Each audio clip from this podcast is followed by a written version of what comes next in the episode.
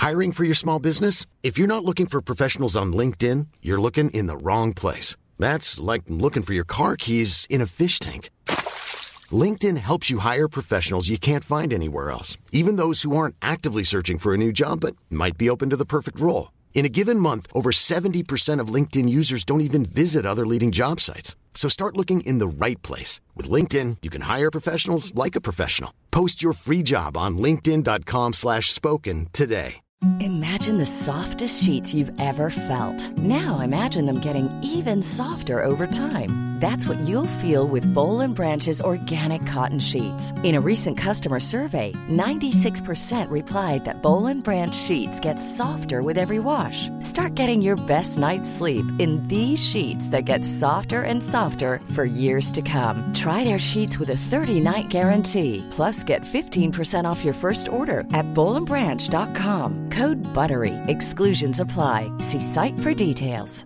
Ready to pop the question and take advantage of 30% off? The jewelers at BlueNile.com have got sparkle down to a science with beautiful lab grown diamonds worthy of your most brilliant moments. Their lab grown diamonds are independently graded and guaranteed identical to natural diamonds, and they're ready to ship to your door. Go to BlueNile.com to get 30% off select lab grown diamonds. That's BlueNile.com for 30% off lab grown diamonds. BlueNile.com.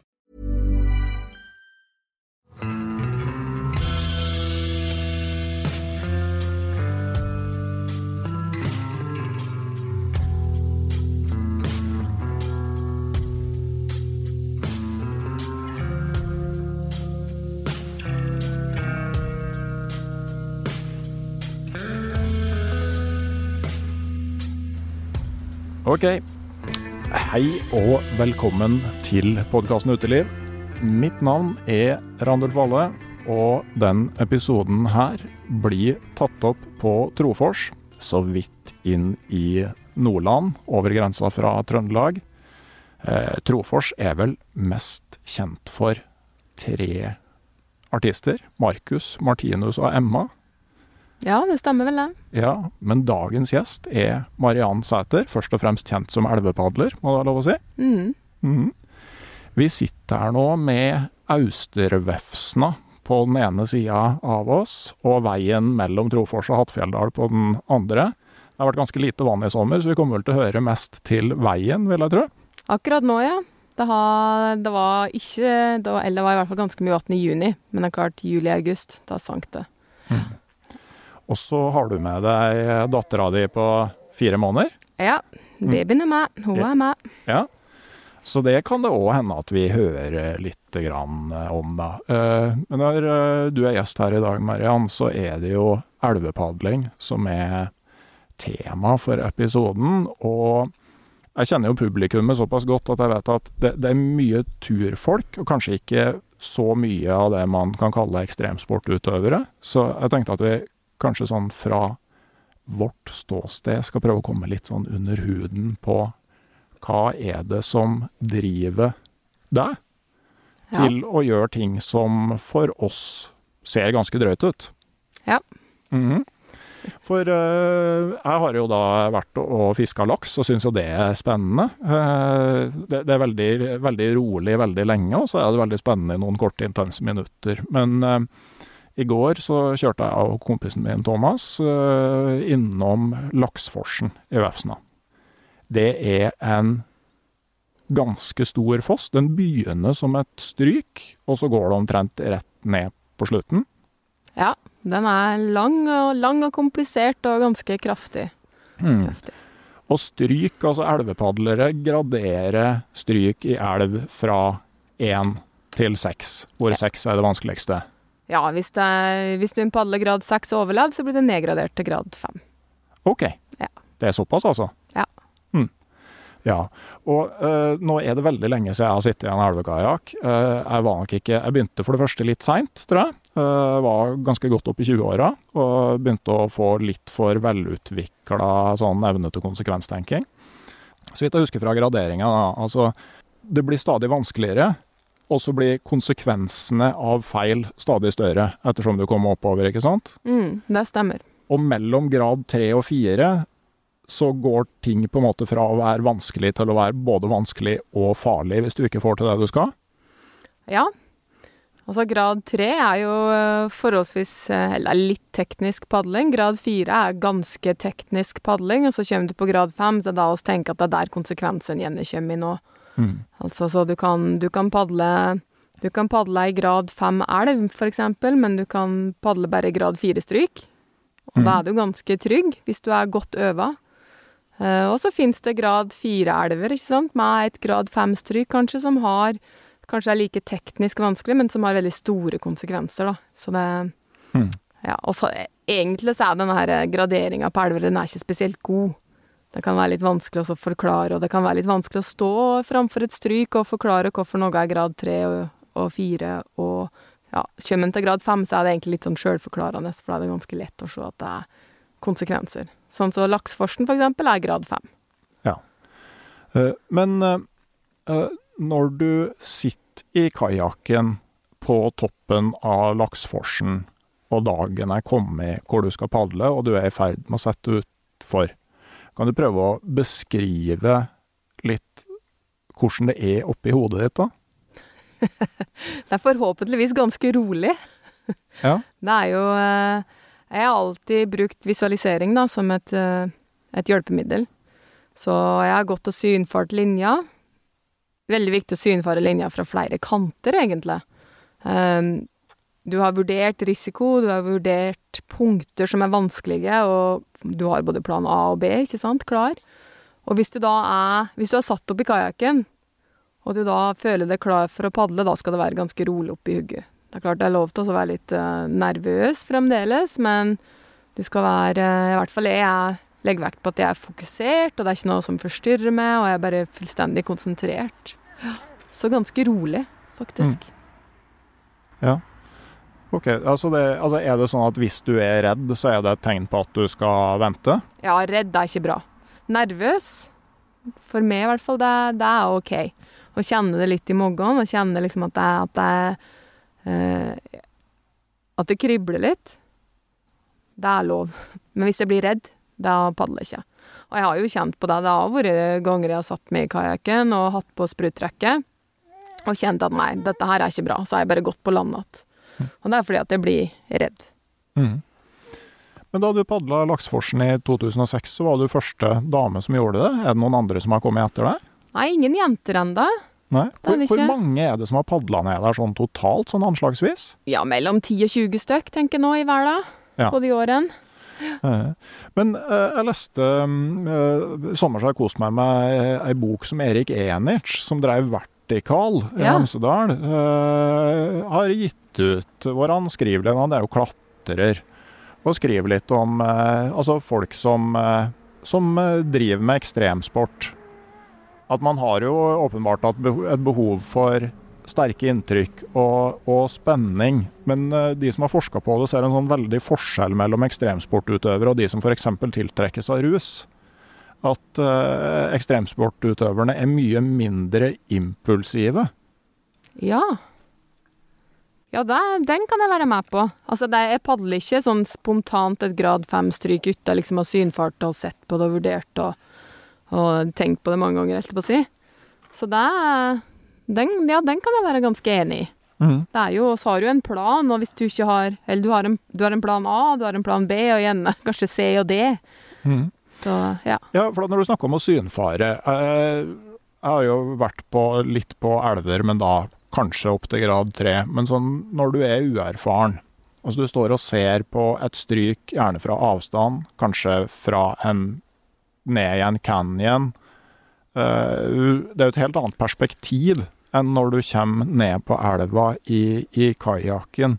Men klarer du normalt å visualisere hva det er du kommer til å se når du kommer ut i stryket? Ja, altså det Én ting er jo at det ofte ser enklere ut fra toppen, da. Det er enklere å finne linjer når du ser fra høyt oppe til, til ned, ned på elva. Så det er noe å være klar over. Så jeg, i hvert fall jeg er ganske jeg er ganske nøye med at jeg skal ha, jeg skal ha um, synfaringspunkter langs elva, altså langs elvekanten, da, på flere steder. Der jeg, og jeg huker meg gjerne ned. Som det sitter på, jeg sitter på huk og synfarer, egentlig, så jeg ser Jeg ser jeg finner punkter i stryket som jeg skal sikte meg inn på. Altså steder, steiner, trestokker, strømninger, sånn at jeg finner dem igjen når jeg er faktisk i kajakken. Og det er jo et uh, godt poeng, da, at en må være på elvenivå egentlig for å kunne klare å visualisere det godt nok. Ja, ja for ikke, måte, man blir ikke på noe tidspunkt så erfaren at du kan stå og betrakte det ovenfra og så uh, intuitivt skjønne hvordan det vil se ut når du kommer ned der? Der kan du. Det er altså er på grad tre og fire nå, så går det helt, det går helt fint. Mm. Men på grad fem, der det er konsekvenser, der vil en ikke bomme i det hele tatt. Så da, da sørger en for ja, De aller fleste er dem når du, er, når du driver på grad fem-nivå, da, da vil du sikre det på alle slags mulige kanter. Mm. Og ikke, jeg veit i hvert fall ikke om noen som ikke Eller jeg veit ikke om noen som bare kan kaste ett blikk på et stryk, og så bare padle det. Er kanskje en to-tre i verden som kan ha den, som kan ha den uh, ferdigheten. Mm. Men jeg tenker jo det er jo en sånn analogi til, til fotballspillere. altså Når du ser det på et fotballkamp på TV-en ovenfra, så er jo sånn pasningsalternativer og sånn temmelig åpenbare. Men hvis du ser en kamp fra banenivået, så, så, ser du på en måte bare en skog eh, med folk, og at det er noen da som har den evnen til å se i rom gjennom det. Mm. At eh, måtte kanskje noe tilsvarende her, at noen har den evnen til å forstå hvordan ting blir i forhold til hverandre. Eh, på, liksom fra, fra, et annet perspektiv? Ja, nå er det jo sånn at oss gjerne Når oss synfarer, så går oss langt, langs etter stryket helt ned. Mm. Sånn at du synfarer fra ett perspektiv, og når du går opp igjen, så er jo det like, det er like viktig. Og det er en veldig sånn, det er en vanlig nybegynnerfeil å gjøre, at du bare Du har synfart på, på vei ned til enden av stryket, og når du snur og skal opp igjen og sette deg i kajakken, så er du helt sånn absorbert i egne tanker og glemmer å se på stryket, så ser det faktisk litt annerledes ut når du går oppover igjen. Mm. Og det, det, er et godt tips til alltid å ha med seg at en må, en må ta høgde for at ting forandrer seg litt. Og det er klart, når du har padla i 25 år, da, sånn som jeg har gjort, så det er jo veldig mange stryk jeg kan bare jeg kan bare stikke hodet opp over kanten og så titte ned stryket i ti sekunder, så ser jeg linja. Mm. Og så padler så trenger jeg ikke å synfare noe særlig mer. Og da, da, er du inne på det du nevner der, at du har, du har så mye erfaring at du har Du klarer å forestille deg hvordan det hvordan det ser ut, rett og slett, mm. når du sitter i kajakken. Ja. Det er også erfaring i seg sjøl. Man, man setter ikke utfor Laksforsen dagen etter man har kjøpt seg kajakk. Men, men, hvordan fant du veien til, til elvekajakken? Ja, jeg var jo Jeg er jo oppvokst ved Ottelva. Så Sielva, eller en dal ved sida av Sjoa. Så jeg har vært vant til å støtte sett raftingflåter flyte forbi. Men elva har jo liksom tradisjonelt sett typer så, så støtt vært betrakta som stygg, da, fæl og farlig, og den må du helle deg unna. Like det var ikke like naturlig at jeg havna i, i elvekajakken. Men eh, når jeg begynte på, eh, eh, begynte på videregående, da, så begynte jeg å date en som var kajakkpadler. Så en av de første datene vi hadde, var bassengtrening oppe i Hedalen. Mm -hmm. Så da var det gjort, da. Det var egentlig forelskelse ved første blikk i kajakken, vel å merke. Mm -hmm. Og ja, så da fortsatte det bare. Da var jeg vel 15 eller 16 år. Mm. Ja, 15-16 år var jeg. Og da var det gjort. Og da starta jeg padle kajakk og, og, begynte som elvebrettguide i Sjoa. Det var faktisk en ting. Og så tok jeg raftingkurs, og så ble det raftingguide. Mm. Så ja, det var, noe, det var min vei, i hvert fall. Ja. husker du på en måte noe sånn øyeblikk da du forsto at yes, det her er greia mi? Egentlig, så jeg må jo si at jeg ble fryktelig interessert med en gang. Altså, det høres jo veldig lite spennende ut. Altså, men bare bassengtreninga, så var det Jeg var ikke noe spesielt flink nybegynner. Sånn at jeg sleit skikkelig med å få til rulla. Og alle guttene som, som, gikk i klassa mi som òg var der, de fikk det jo så klart til. Og jeg ble skikkelig sur ikke hele den vinteren. Jeg prøvde mange måneder. Fikk det ikke til. Men jeg jeg vet ikke, Det gjorde meg egentlig bare mer og mer sta, mer og mer oppsatt på at dette skulle jeg få til. Så var det første gangen jeg ble med ut i elv. Da, da var jo alle guttene de hadde fått lov til å være med om våren. Altså Den første turen ut skulle de få være med, for de kunne rulle. Men jeg fikk ikke lov, for jeg kunne ikke rulle ennå. Og da satte vi helt på bakføttene og trassa med meg, husker jeg. Så da sklei jeg oss inn i Ottelva eh, på, is, på isflaken. Det var i mars eller april eller noe sånt, det var kjempetidlig. Isen hadde akkurat gått sklei inn. og Jeg tror jeg klarte å padle en sånn ja, 500-600 meter før jeg tippa rundt og svømte første gangen. Så svømte jeg et par ganger til, og det var bare helt fantastisk å svømme i isvann med kajakken på slep og åra ved sida av meg. Og, og det var en litt sånn aha-opplevelse når jeg syntes at det var så artig. Da var det jo bare å fortsette. Og det som var så rart, at etter, etter den turen så kunne jeg rulle. Jeg rulla hver gang etter det. Veldig rart. Ja, altså jeg husker jo uh, Altså jeg klarte jo å rulle med én gang. Så altså, karrieren min starta bedre enn din, og så etter det Ja. så, eh, så må jeg jo si at du dro fra ganske fort. Men jeg oppdaga at det er en kjempestor forskjell på å rulle i basseng og rulle i elv. Bare det at uh, man trener i basseng uten vest. Ja. Eh, For jeg var vant til å gå ned på den ene sida og opp igjen på den andre, men når du har vest, så stopper du jo liksom i 45 graders vinkel og må opp igjen samme veien som du kom ned. Mm, ja. Også det når du hører liksom klukkinga i elva, og eh, det er iskaldt i ansiktet og altså, Strømmen tar tak i åra. Ja. Ja. nei, det er, ikke, det er ikke lett, egentlig. Det er, det er jo en sånn sport som Det er en idrett der jeg har funnet ut at den må være ganske sta for å lykkes. Mm. Sjøl om du ikke har lyst til å begynne på alle grad fem, da, så må du være ganske sta, for det, det tar litt eh, det, tar, altså det er ganske mye innsats du må legge i tid for å kunne bli god nok til å ta med på alle grad tre. Mm. Men så er jo belønninga helt utrolig bra. da. Mye bedre enn å springe rundt på ei fotballbane, syns jeg. Ja, det, det kan jeg jo eh, Altså, måte den der, eh, det å være så oppi elementene, og liksom så eh, Du er liksom i elva, på et vis. Altså sånn, Det at du sitter så djupt og tidvis er under og får vann i ansiktet. Og, altså det, er liksom sånn, det er veldig sånn intenst. Mm. Og så er det jo jeg er jo jeg er, jo, jeg er veldig tilhenger til at jeg bruker jo elva skulle til å si til alt. Om jeg trenger en rolig tur, om jeg trenger en tur der jeg bare må eh, bare få rista av meg hverdagen, altså type andre folk går på fjelltur eller tar en yogatime eller hva de gjør, så tar jeg meg en tur på elva. Og så har du òg de gangene ikke sant, der du, du oppsøker spenning og adrenalinet. Altså det, er, det er veldig stort spenn da, mellom de to ytterpunktene. Slik at det blir jo aldri kjedelig å padle elv.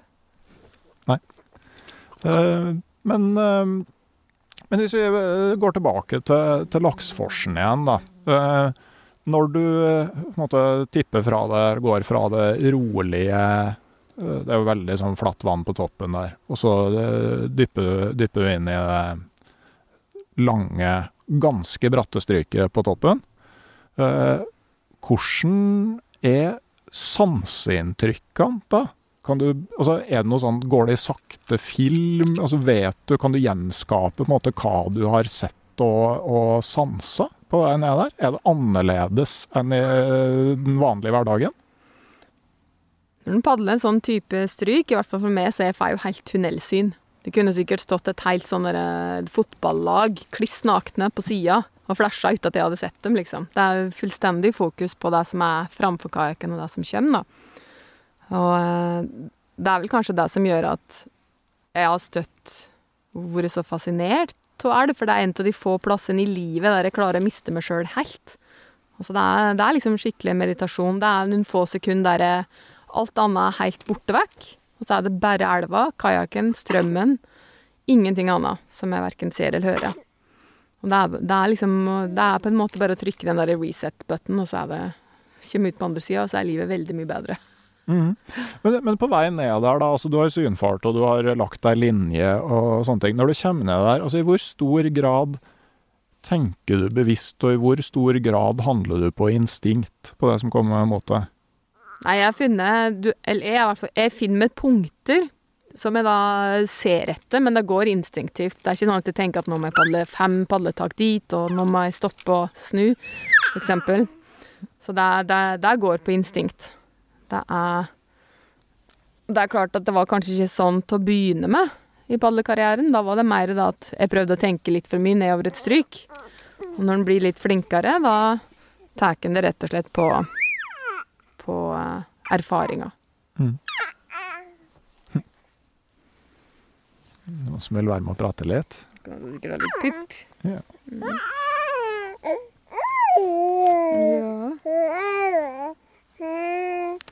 Multitasker, det er sko på.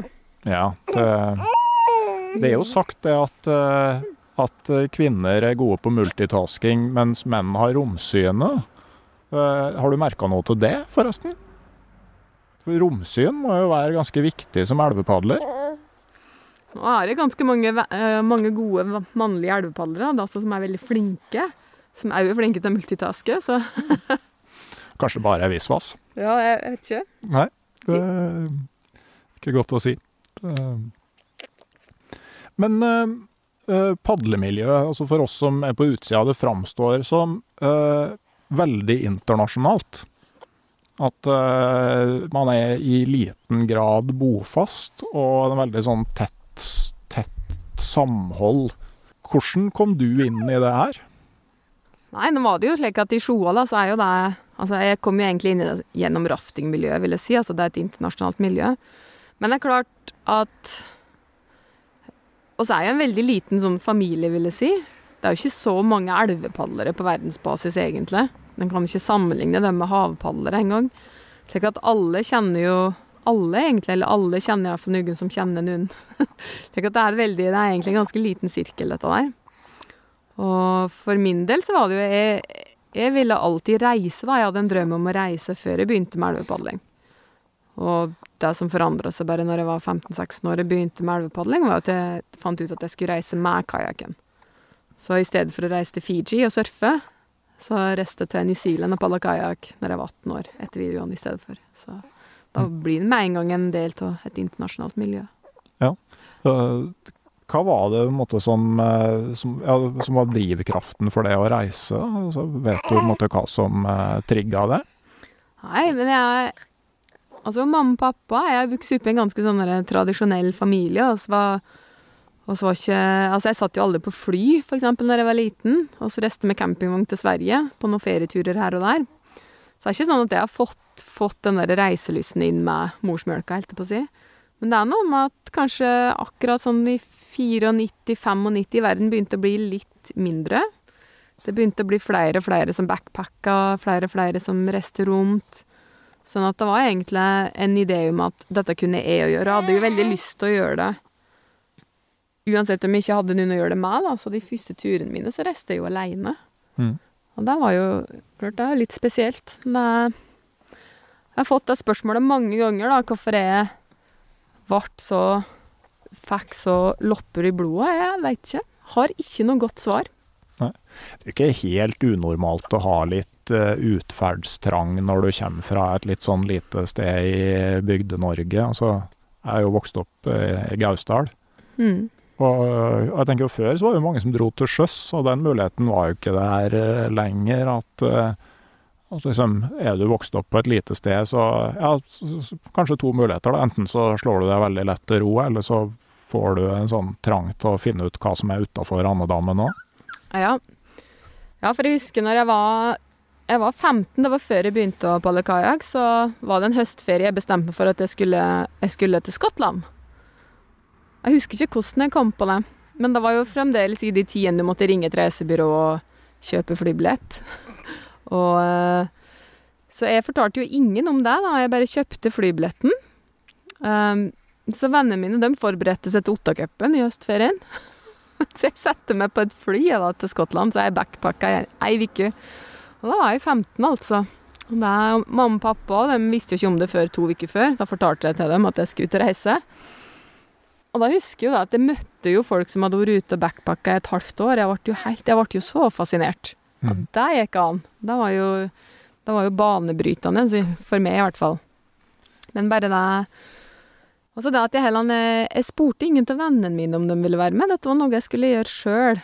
Mm. Så jeg, har nok, jeg, jeg er nok bare født med en litt, sånn, med en litt sterkere utferdstrang enn mange andre, tenker jeg.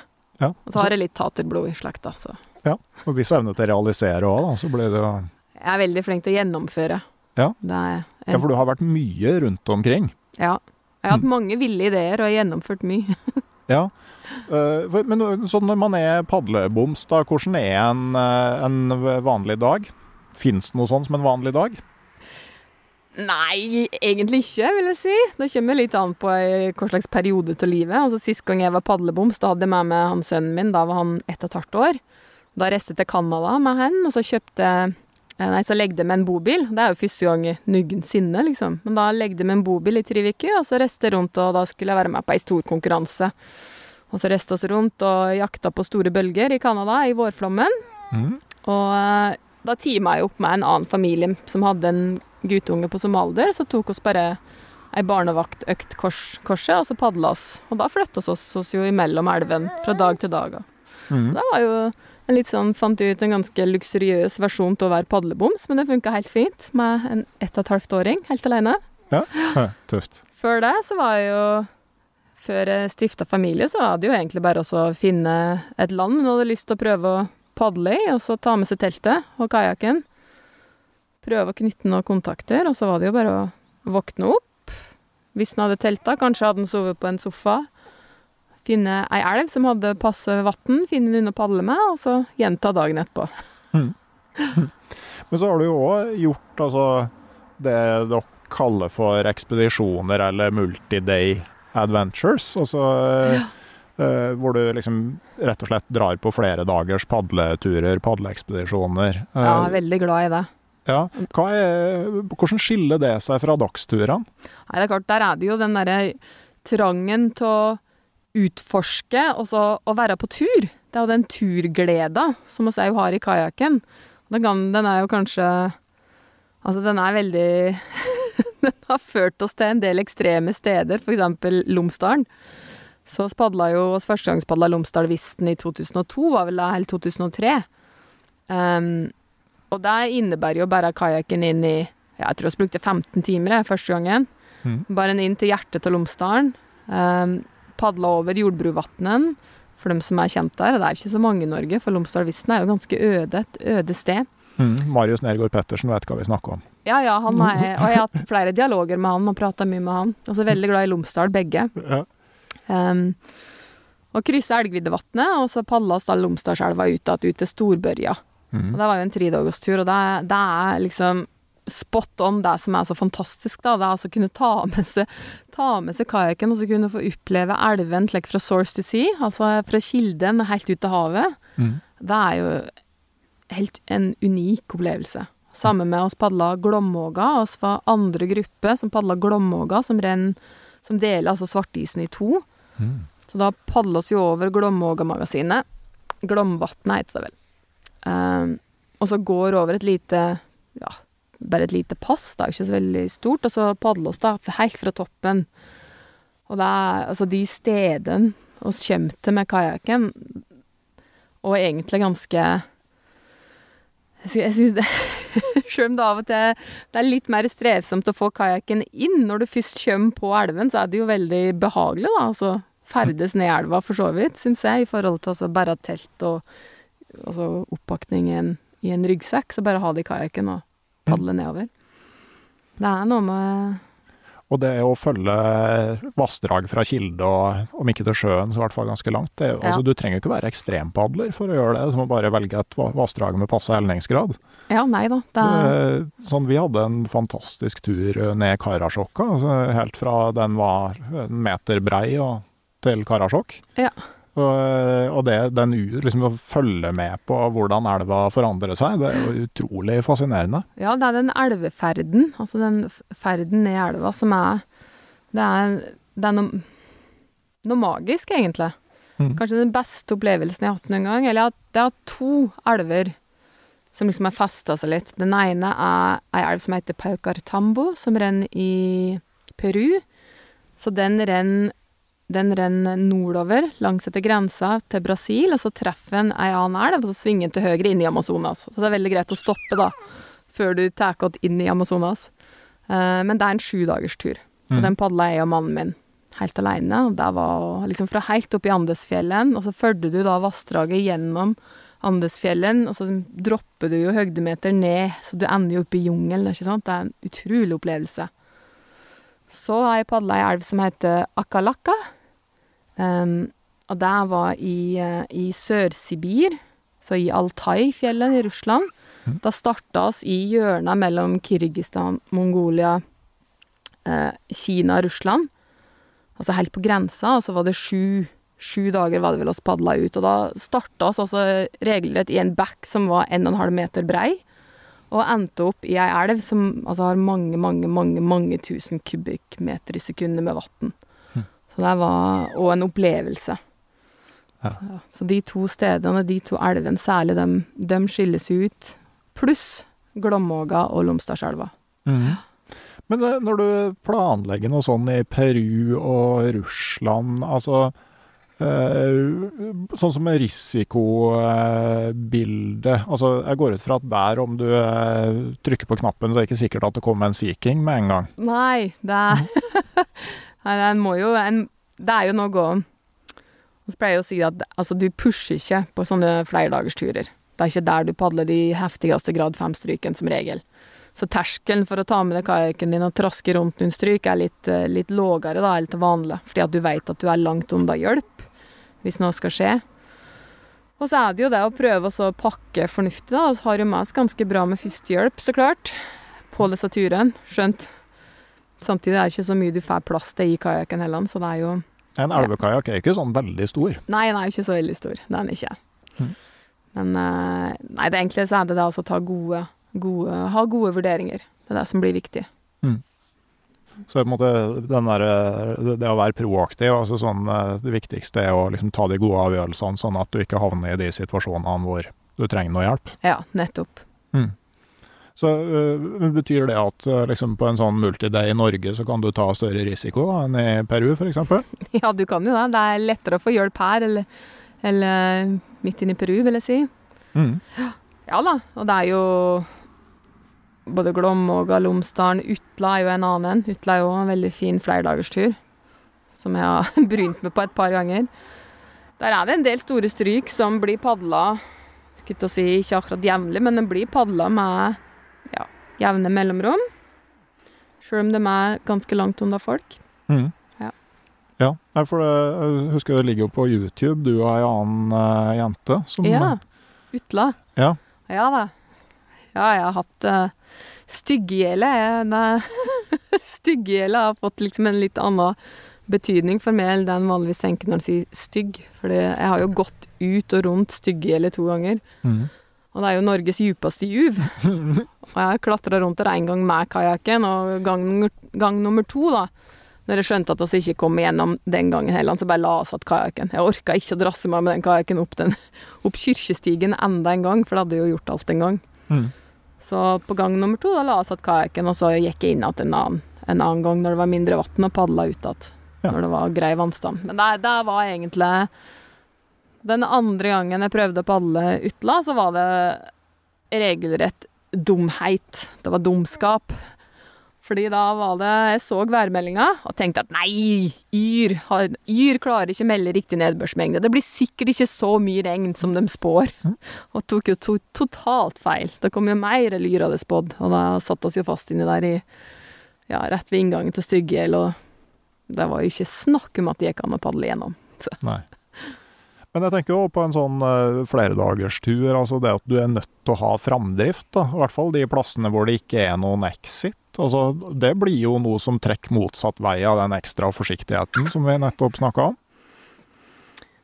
Ja, samtidig så er en jo Altså, en er jo veldig obs da når en uh, er på disse multidagersturene nå, at en skal jo ikke ta for store sjanser, og det er jo ikke sånn at du bare vil Du plutselig begynner å droppe blinde horisontlinjer fordi at du bare skal nedstrøms. Det Mm. gjør du jo ikke. Så eh, Mm. Blind horisontlinje betyr at du ikke ser hvor det blir av elva, ikke sant? ja, da, da ser du ikke utgangen til å stryke. Nei. Da må en ut og synfare. Og eksempel i Utla, i Styggegjellet, der er det jo sånn at det er ganske blindt nedover, og det er ganske vanskelig å synfare òg. Mm. Så det er jo derfor en ikke Det var jo derfor oss ikke tok sjansen på å fortsette de to gangene jeg var der. Tredje gangen så gikk det. Men jeg tenker den digresjonen, altså det med styggehjel og styggebreen. eh, Det jeg har hørt at stygg eh, sånn fra gammelt av eh, betyr jo ikke nødvendigvis at det ikke er pent, men at det nettopp at det er farlig. Ja da. Og Styggegjellet er jo, når du padler gjennom der, du er litt vanskelig å beskrive, men du har jo fosser som kommer inn på sida. Det er jo kjempesmalt gjennom der. Altså, det er jo ingen andre levende personer, dyr nesten, som har vært gjennom der før deg, ikke sant? Så det er jo utrolig spesiell, spesielle steder. Det er Mm. absolutt ikke stygt. Men, men hva er det på en måte med det risikoaspektet som tiltrekker Eller tiltrekker det, eller padler du på en måte på tross av det? Jeg padler ikke på tross av det. Det gjør jeg ikke. Det er klart at Altså, risiko betyr at du skjerper deg. Risiko betyr at du eh, Du må gå på tå hev, ikke sant? Du må skjerpe deg, rett og slett. Du må prestere ditt beste. Og du må gjøre det der og da. Og det, det gjør jo til at hele opplevelsen blir ekstremt intens, og så er det veldig lett å måle om du får det til eller ikke. Måle mestring. For enten Altså, hvis du går på snørra i grad fem, så er ikke det noe spesielt behagelig, som regel. Og eh, uansett òg på grad tre og på grad fire, ikke sant, så er det jo Hvis du velger feil linje, eller du gjør noe feil, så er det jo veldig ofte at du får litt juling. Eksempel at du setter fast i ei valse, som vi kaller det. Altså at du sitter Du kommer ikke ut av ei bølge og blir liggende og blir vaska rundt. og Det er ikke noe spesielt behagelig. Eventuelt at du treffer stein med kajakken din. Da vet du òg at du virkelig ikke har padla den linja du antagelig hadde sett, sett det ut. Mm. Og, um, men med en gang du, du kommer det ned, da, og du har liksom treff Når du treffer linja di, det er jo litt sånn som på ski, tenker jeg. Du ser ei linje, når du treffer linja, når du da kommer i bunnen altså det er, det er Du har jo mestra. Det det, det er det som liksom er gleden med at du har mestra. Du utfordrer deg sjøl og mestra noe. Og risikoen er på en måte en forutsetning for mestringa. Altså sånn den, det, det at det er en risiko, er noe av det du har mestra. Jeg skal si at det er krydder. Mm. Det er litt krydder, i hvert fall. Mm. Eh, Det er klart at det er Du kan oppnå like stor mestringsfølelse første gangen du fæter får til rulla, eksempel, Mm. i strøm, som du gjør når du padler et grad fem-stryk.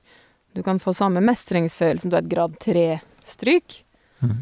Og det er jo det som er litt kult med elvepadling, da, syns jeg, at du kan, ettersom du blir flinkere, så kan du pushe det sjøl mer og mer, men du kan òg legge det på et nivå som er veldig sånn behagelig.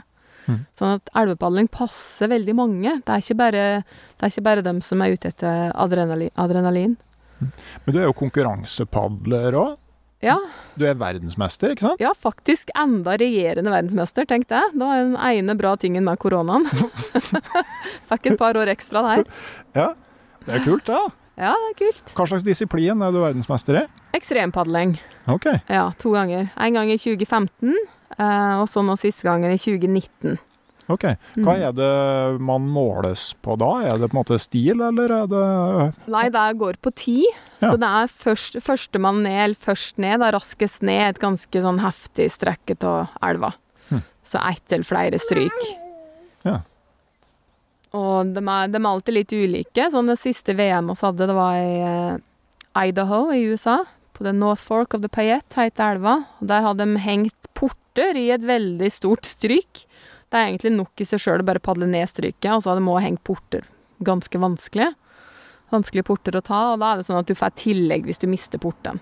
Hm. Så um, Og det, var jo, det er jo såpass heftig at når jeg var der, så var det og så var det var bare ei jente til som i det hele tatt øvde på løypa. Ja. For det var finaleløypa. Så Mm. vi padla på lettere strekker opp til finaler. Og, så da var det Ja, det var kun jeg og ei til som øvde på finaleløypa, fordi jeg skulle jo til finaler. Da var jeg jo helt klar på. Mm. Så jeg vant jo hver runde, inkludert finaler. Men Mm. det er klart Det var såpass heftig. Det er kanskje den siste gangen nå de senere årene jeg sitter og har kjent på skikkelig nerver, for det var grad fem. Det er grad fem padling. Mm. Det er ganske store konsekvenser der hvis du svømmer, hvis du svømmer ut av kajakken, sjøl om det var litt sikring der òg, så Det var såpass bratt og så mye vann i, i de strykene at det er fort at det skjer noe hvis, det, hvis du må ut og svømme. Ja, for det, det er jo ikke alltid at det går bra. Nei, det er ikke alltid det går bra. Det er helt sant. Eh, Kan du huske første gangen altså Du var jo bare 15 da du starta. Man er jo ikke på en måte, Å ta inn over seg konsekvenser er jo ikke noe som nødvendigvis er fullt utvikla da. Kan, kan du huske på en måte første gang du virkelig forsto at det her faktisk er livsfarlig? Uh, om Jeg kan huske første gangen jeg fikk skikkelig grisebank, i hvert fall. Da var jo Det var Da tror jeg jeg hadde padla ett år, kanskje. Sånn cirka ett år. Og da var jeg så klart i Sjoa. Og da var jeg med en god kamerat av meg, en som heter Helge Vesterås. En gammel legende. Eh, jeg og han på Ridderspranget-seksjonen, da, var min første gang. Starta på Ridderspranget og padla ned. Og da, da kom jeg vel sånn ca. 200-300 meter ned elva før jeg satte meg fast i ei ekstremt stor valse. Og der eh, satt jeg ganske lenge. Krabba på land. Svømte da først ut, og så krabba på land. Og han eh, fortsatte da etter kajakken min. Og da, da husker jeg at det liksom gikk opp et lys for meg. Å ja! Det her òg kan òg skje, ja. OK, greit. Men da var jeg Jeg har alltid vært så pragmatisk med elvepadling at jeg alltid liksom klarte å bare sette meg i kajakken igjen og fortsette. Mm. Så det gjorde jeg jo der òg. Det var ikke snakk om å gå ut eller å gi seg, liksom. Nei, nei, jeg skulle ned elva. Så, men det er klart at da, det var første gangen jeg fikk smake på kreftene, egentlig, som finnes i elva. Mm. Det, jeg ble jo egentlig bare mer gira av det. Du, har, du har ikke på en måte opplevd ting med folk rundt deg sånn som hadde gjort at du måtte ha revurdert det? Jeg har jo nesten drukna sjøl. Jeg har jo noen erfaringer som er eh, ganske heftige. Det, det nærmeste jeg har vært å, å drukne sjøl, da var Da hadde jo padla en god del år. Det var i, eh, i Sør-Patagonia i Chile. Så Chiles største elv heter Pascua. Den drenerer den, eh, den sørlige innlandsisen i, i, i Chile. Og det er en uh, tredagerstur. Flaug inn med, med småfly, sjøfly. Ble sluppet av der elva starter, og så må du padle ut igjen. Da padler du egentlig til havnivå. Og etter de siste strykene der, der hadde jeg en veldig dårlig vurdering. Og der padla jeg. Padla et stryk som jeg egentlig ikke skulle ha padla. Jeg mista åra mi og måtte ut og svømme, og da, da var altså svømme Det var et juv med ekstremt mye vann, sånn at jeg, for, jeg forsvant jo bare rett ned. Altså, jeg måtte svømme og fikk ikke luft i det hele tatt, og da ble det bare stille og svart og rolig rundt meg. Så kom jeg opp igjen, fikk så vidt et halvt åndedrag, og så ble jeg dratt ned igjen, da innså jeg at da hadde jeg beveget meg nedover kanskje bare en meter ned den elva. Altså på den tida jeg var nede. Så det var jo så enorme strømninger der, som, altså strømvirvler, som rett og slett drog meg ned. Ikke altså ned i elva, men ikke nedover. sånn at jeg skjønte at dette her kommer ikke til å gå bra. Ja, da husker jeg at jeg nesten ga opp. Og da var liksom hakket før jeg tenkte at nå er det bare Og da tenkte jeg Jeg husker veldig godt at jeg tenkte at nå er det slutt. Altså, på en eller annen merkelig grunn som bare fikk jeg, Det bare datt inn i hugget mitt. Nei! Og så prøvde jeg å svømme. Så brøt jeg overflata. Det var helt vanvittig flaks, for da var han som hadde padla bak meg, han hadde blitt kasta inn i fjellveggen av den samme bølga som hadde slått åra ut av hendene mine. Så han var på vei ut igjen til hovedstrømmen idet jeg kom opp igjen tredje gangen. Og han var da altså rett ved sida av meg, sånn at jeg fikk akkurat tatt tak i kajakken hans. Faktisk var det Det var såpass hektisk at uh, han sa at han trodde at jeg egentlig ikke var bevisstløs. Jeg ikke var ved bevissthet. Jeg fikk i hvert fall hekta med tak i kajakken hans, og så klarte han å padle meg ned resten av stryket. Og da, da svømte jeg gode Jeg var nok ute i elva 1,5 km før jeg kom til land, for det var så mye strøm. Det var så mye vann i elva. Så det var, det var ganske kjipt. Det var en utrolig Og da, da må jeg innrømme at da kom ginflaska på bordet den kvelden. For å komme ut. Jeg måtte jo gå ut, ja. Det var bare tre kilometer til stoppstedet. Da ble vi møtt av sjåføren. Eh, Kajakken min den fant jeg igjen fem år seinere. Det er en annen historie. Lokal fisker fant den fem år seinere. Um, men da feiras rett og slett over Da feiras at jeg fremdeles var i live. For det var, det var veldig på håret. Og klart at da begynner jeg å tenke litt, da. En, en tenker så klart er det verdt det, hvorfor Men jeg tenkte aldri Jeg tenkte egentlig aldri skal jeg fortsette med det her, for det, det skulle jeg. Men eh, jeg husker òg at jeg var veldig oppsatt på å forstå hvorfor jeg svømte. Og jeg analyserte, analyserte og prata med de andre, og egentlig var jeg maks uheldig, og så padla jeg litt over evne. Så den der jeg padla litt over evne, den har jeg tatt med meg, da. Den tok jeg med meg. Da roa jeg litt ned etter det. Jeg hadde et par år der jeg tok det litt mer med ro. Men uh, jeg har vært såpass heldig at jeg har sluppet Jeg har sluppet unna med skrekken, og jeg har egentlig aldri blitt sånn redd. Jeg har alltid klart å bryte det ned og være litt mer pragmatisk og tenke at det her gjorde feil, det her gjorde feil. Shit happens, og så fortsette. Mm. Mm. Ja, for det er jo åpenbart noe som gir deg veldig mye. Altså Hvis vi går tilbake til Laksforsen igjen, da. Når du da dundrer ned den siste nesten loddrette delen, og så kommer du ned på det stille vannet nedafor kafeen. Hva, hvordan er det inni kroppen da? Hva føler du nå, er det vel sportsjournalisten alltid sa i gamle dager? Husk var veldig glad for, når jeg satt i bunnen av lakseforsen, at jeg ikke hadde truffet en laks på vei opp fossen. Nei, det er jo sånn Altså, du, det er den mestringa. Det er, for du, du kjenner jo at det er en del mentale barrierer du må bryte igjennom. ikke sant? Du ser på stryk som er veldig eh, teknisk vanskelige og som har ganske store konsekvenser. Og så er det en mental barriere, da. Altså sette deg i kajakken og ha tro på det sjøl og vite at du kan, og så faktisk få det til. Mm. Det er jo det som gjør at den følelsen i bunnen blir jo helt eh, unik, egentlig. Det er Du føler deg som uh, top of the world og king of the world og alt det her på en gang. Mm. Hvor lenge varer det? Et par sekunder. Nei, kanskje litt lenger, men uh, ja da, det er jo Ja, men sånn på, på, kvelden etter du har gjort det der, er du da fortsatt litt sånn euforisk, eller har du begynt å tenke på hva er neste steg? Nei, nei den, jeg koser meg nok en hel kveld, ja. Jeg gjør nok det. Klart det. Mm. Det er Men det er, det er, med det, det, er noe med å mestre, den, den følelsen, den gleda, den sitter i lenge. Så det er jo noe jeg eksempel jeg ser at en del For jeg er jo lærer til yrket på videregående. Jeg ser, jeg ser det alt så noen av elevene mine som har strevd lenge, og som har prøvd lenge å få til ting, og så skjønner de plutselig et problem, eller hvordan de skal løse noe, så ser de jo den mestringsgleda. Det er i Altså, til sjuende og sist er det det samme. Mm. Ja, eh, men er det ting du eh, Altså Nå er det jo Du driver som lærer, og så har du og, mannen din en, en raftingcamp i Austerøyfsna, ikke sant? Ja. Så er det et raftingfirma. Ja. Rivernorth.no. Ja.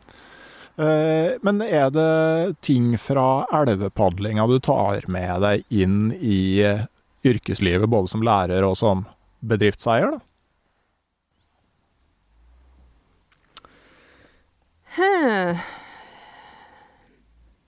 Jo, det er i hvert fall dette her også Altså når det gjelder liksom bedriftseier, så er det jo å sette seg mål, ikke sant, og ikke nøye seg med, med noe, noe mindre eller det beste. For du vil jo, i hvert fall jeg som eh, kajakkpadler, jeg jeg vil jo bli mitt, mitt beste hele tida. Jeg søker å bli den beste padleren jeg kan bli. Og det er samme med Jeg vil òg være en veldig god lærer. Jeg har lyst til at mine elever skal bli inspirert. Og at jeg skal klare å finne måter som de kan være med og lære på. Um, og det er klart at det er jo ingen vei utenom annet enn at en må jo jobbe. Ingenting kommer gratis her i livet. Og særlig elvepadling. Det er jo det er som jeg sa til å begynne med, at man må være sta for å bli en elvepadler. Og du, du får ingenting gratis. Det er klart at den, den, mentaliteten den har jeg helt klart tatt med meg inn i, i begge aspekter til livet mitt. Både inn i bedrifta vår og, og, og inn i læreryrket. Må jobbe for ting. Mm. Jeg tenkte bare sånn når vi nærmer oss slutten, altså når man driver med ekstremsport, blir man lei av at folk alltid vil ha deg til å på en måte rettferdiggjøre og rasjonalisere hvorfor du driver med det? Det var en periode jeg ble alltid spurt om dette her. Men jeg tror at nå har jeg blitt så gammel, og jeg er så gammel i gamet, folk har slutta å spørre. Mm. De har liksom bare godtatt at hun er antagelig født med en hjernefeil, tror jeg. Så jeg får ikke det spørsmålet så veldig mye lenger.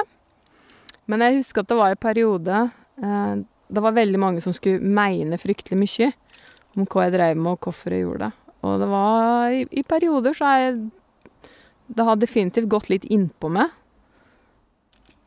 Det har Jeg har definitivt uh, følt meg litt sånn uh, Litt uglesett innimellom. Ok, altså, så, Såpass ille? Ja, av og til. Særlig i sånn 20-årene, da når jeg først begynte å reise rundt og, og padle en god del store stryk og sånn. og dette her eh, Altså, hvorfor gjør du det her, hvorfor leker du med livet? Den men mentaliteten, da. Mm. Når du kommer fra ei lita bygd, ikke sant, så er det mm. Det er ikke alltid like greit å stikke seg litt fram. Uh, men det har blitt litt bedre med årene, og så har jeg rett og slett bare begynt å gi litt mer F i mm. hva alle andre tenker. Og mm. Men du har bosatt deg i ei annen lita bygd, da? Ja, Og her, vet du hva? Trofors, Grane kommune. Vi kunne ikke blitt tatt imot bedre noe sted. Altså, helt fantastisk. Nordlendinger er virkelig De er virkelig åpne og velkomne, og det er Altså, følt oss så godt mottatt her. Utrolig. Bare Ja. Så bra. Og det er jo et eh, fantastisk sted dere er i ferd med å bygge opp eh, ved Austervefsna. Ja, det er Altså, elva i seg sjøl, det er jo det som er, er så bra. Elva er jo produktet, som man sier. Altså, det er jo en det er elv som har 40 km med stryk å by på. Mm. Så for oss er det jo et eldorado. Og det er jo bare ei av veldig mange elver i området. Eh, merker dere noe til det at eh, Vefsna har blitt ei lakseelv igjen? Ikke så veldig mye enda, men vi regner nok med at vi kommer til å merke det sånn etter kort. Mhm. Skjønt nå er jo også, altså vår, eh, våre raftingturer går på seksjoner til elva der det ikke sånn tradisjonelt sett er så forferdelig mye laksefiske.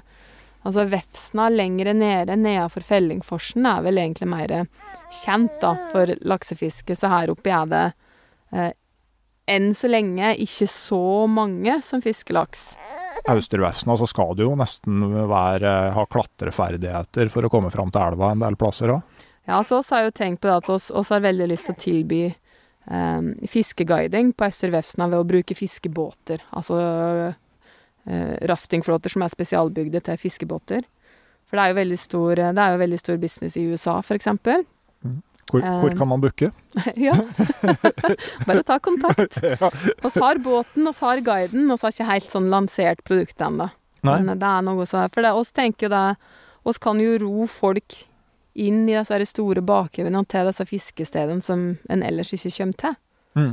Og det er jo ofte hemmeligheten med laksefiske, er å fiske på fisk som ikke har blitt fiska på tidligere. Så Ja. der eh, har dere jo en, eh, et nisjeprodukt, da.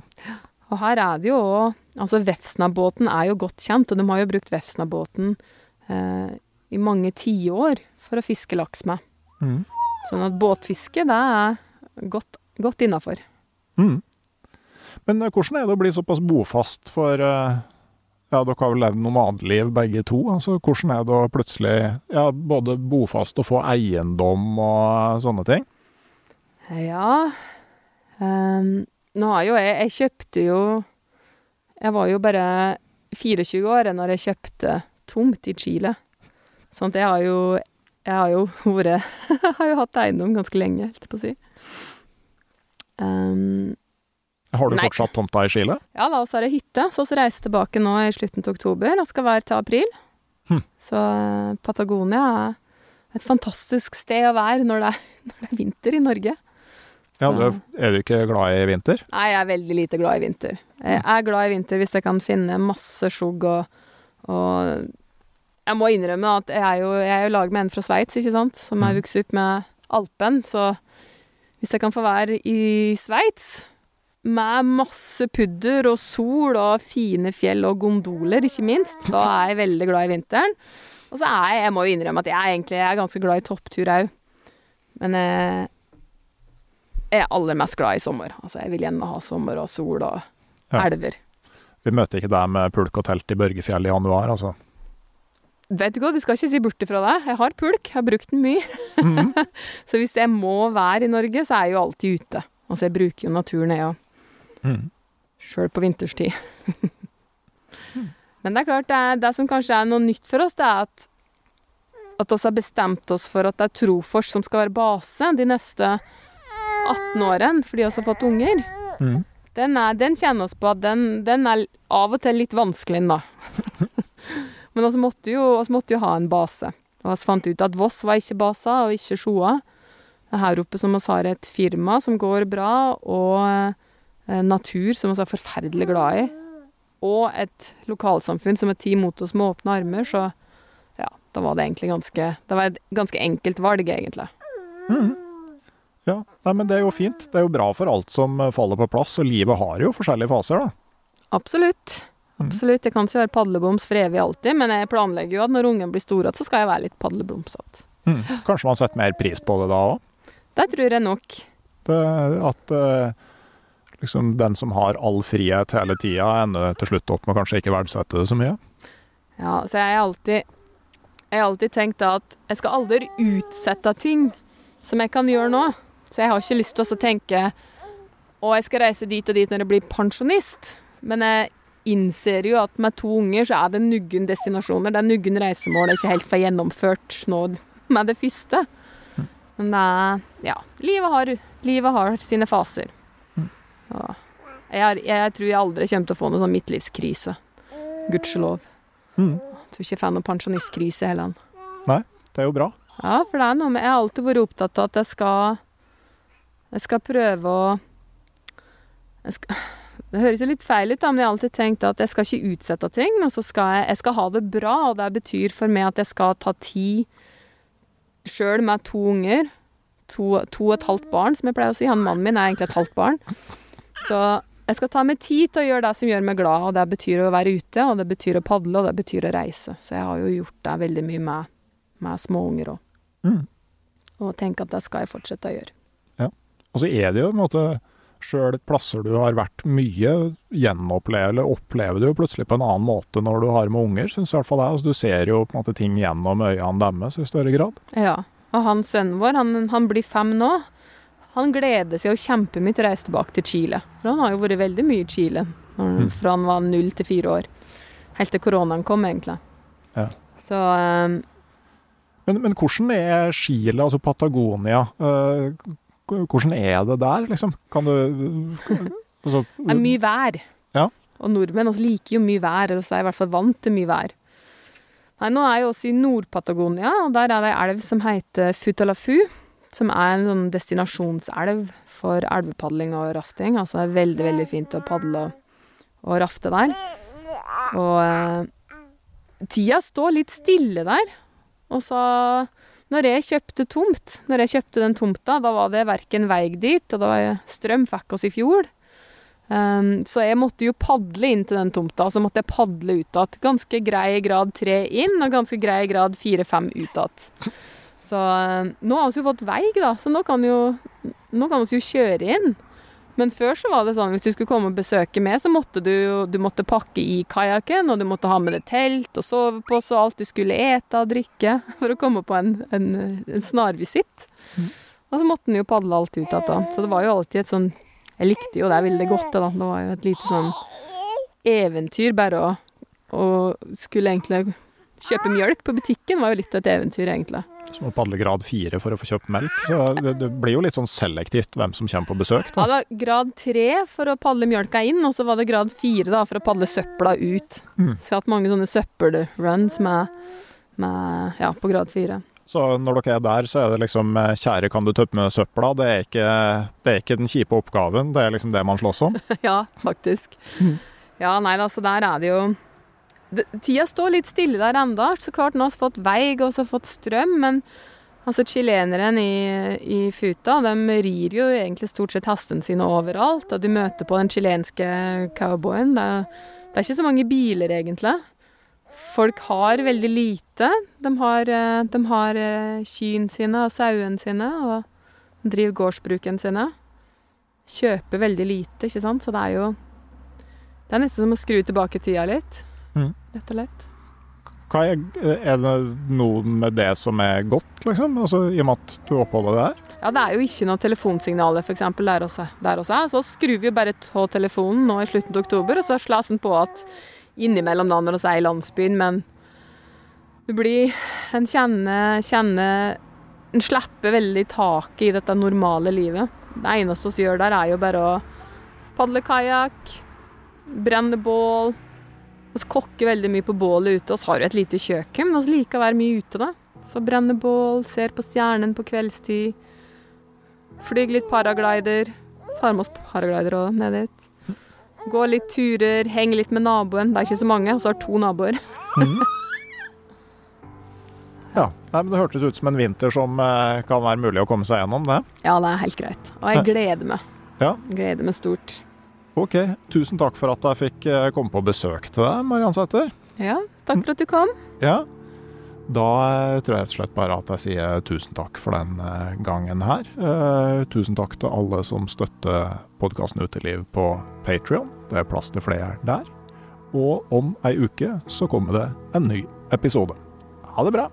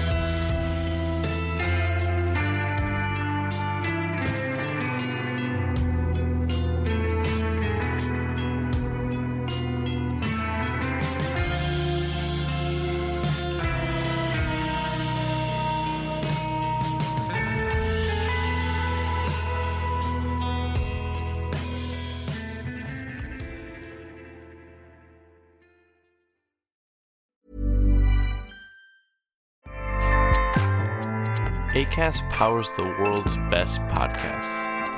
Here's a show that we recommend. The Real Housewives is a guilty pleasure for most, but if you're looking to not feel guilty about that pleasure, tune in to Everything Iconic with me, Danny Pellegrino, where I break down all the messy moments and behind the scenes antics of Bravo's popular franchise. And on Everything Iconic, I also interview celebrity guests like Kelly Ripa, Kiki Palmer, Drew Barrymore, Cameron Diaz, and more about their guilty pleasures, their past work, and so much more. So if you're pop culture obsessed and find yourself watching way too much reality TV like me, tune in to Everything Iconic with Danny Pellegrino wherever you listen to podcasts. ACAST helps creators launch, grow, and monetize their podcasts everywhere. ACAST.com.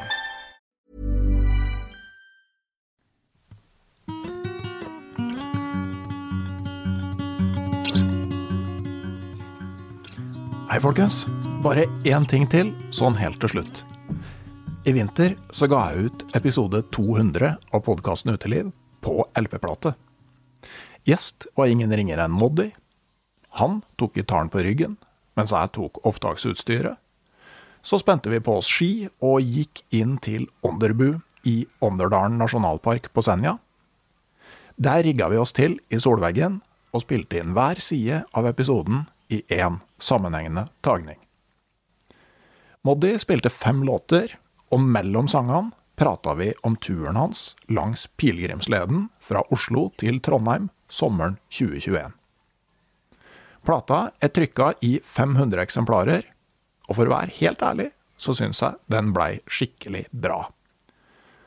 Nå i sommer får du plata til kun 290 kroner, inkludert porto, i nettbutikken min på www.randulfvalle.no. Og skulle jeg selge så mange at det blir et overskudd, så går det til organisasjonen Medvandrerne. Hiv deg rundt, så får du et skikkelig klenodium i samlinga di. Du finner den altså på randulfvalle.no. Hvis du trodde at tida stoppa opp den dagen du flytta, da må du tru om igjen. Du ramma bilden lenge før malinga størtna, da du blei en av dem. Noe har skjedd, og det skjedde fort. En vei og ei bru, og så var det gjort. Stilt som et kvisker og kvast som ei klo. Det er ei ny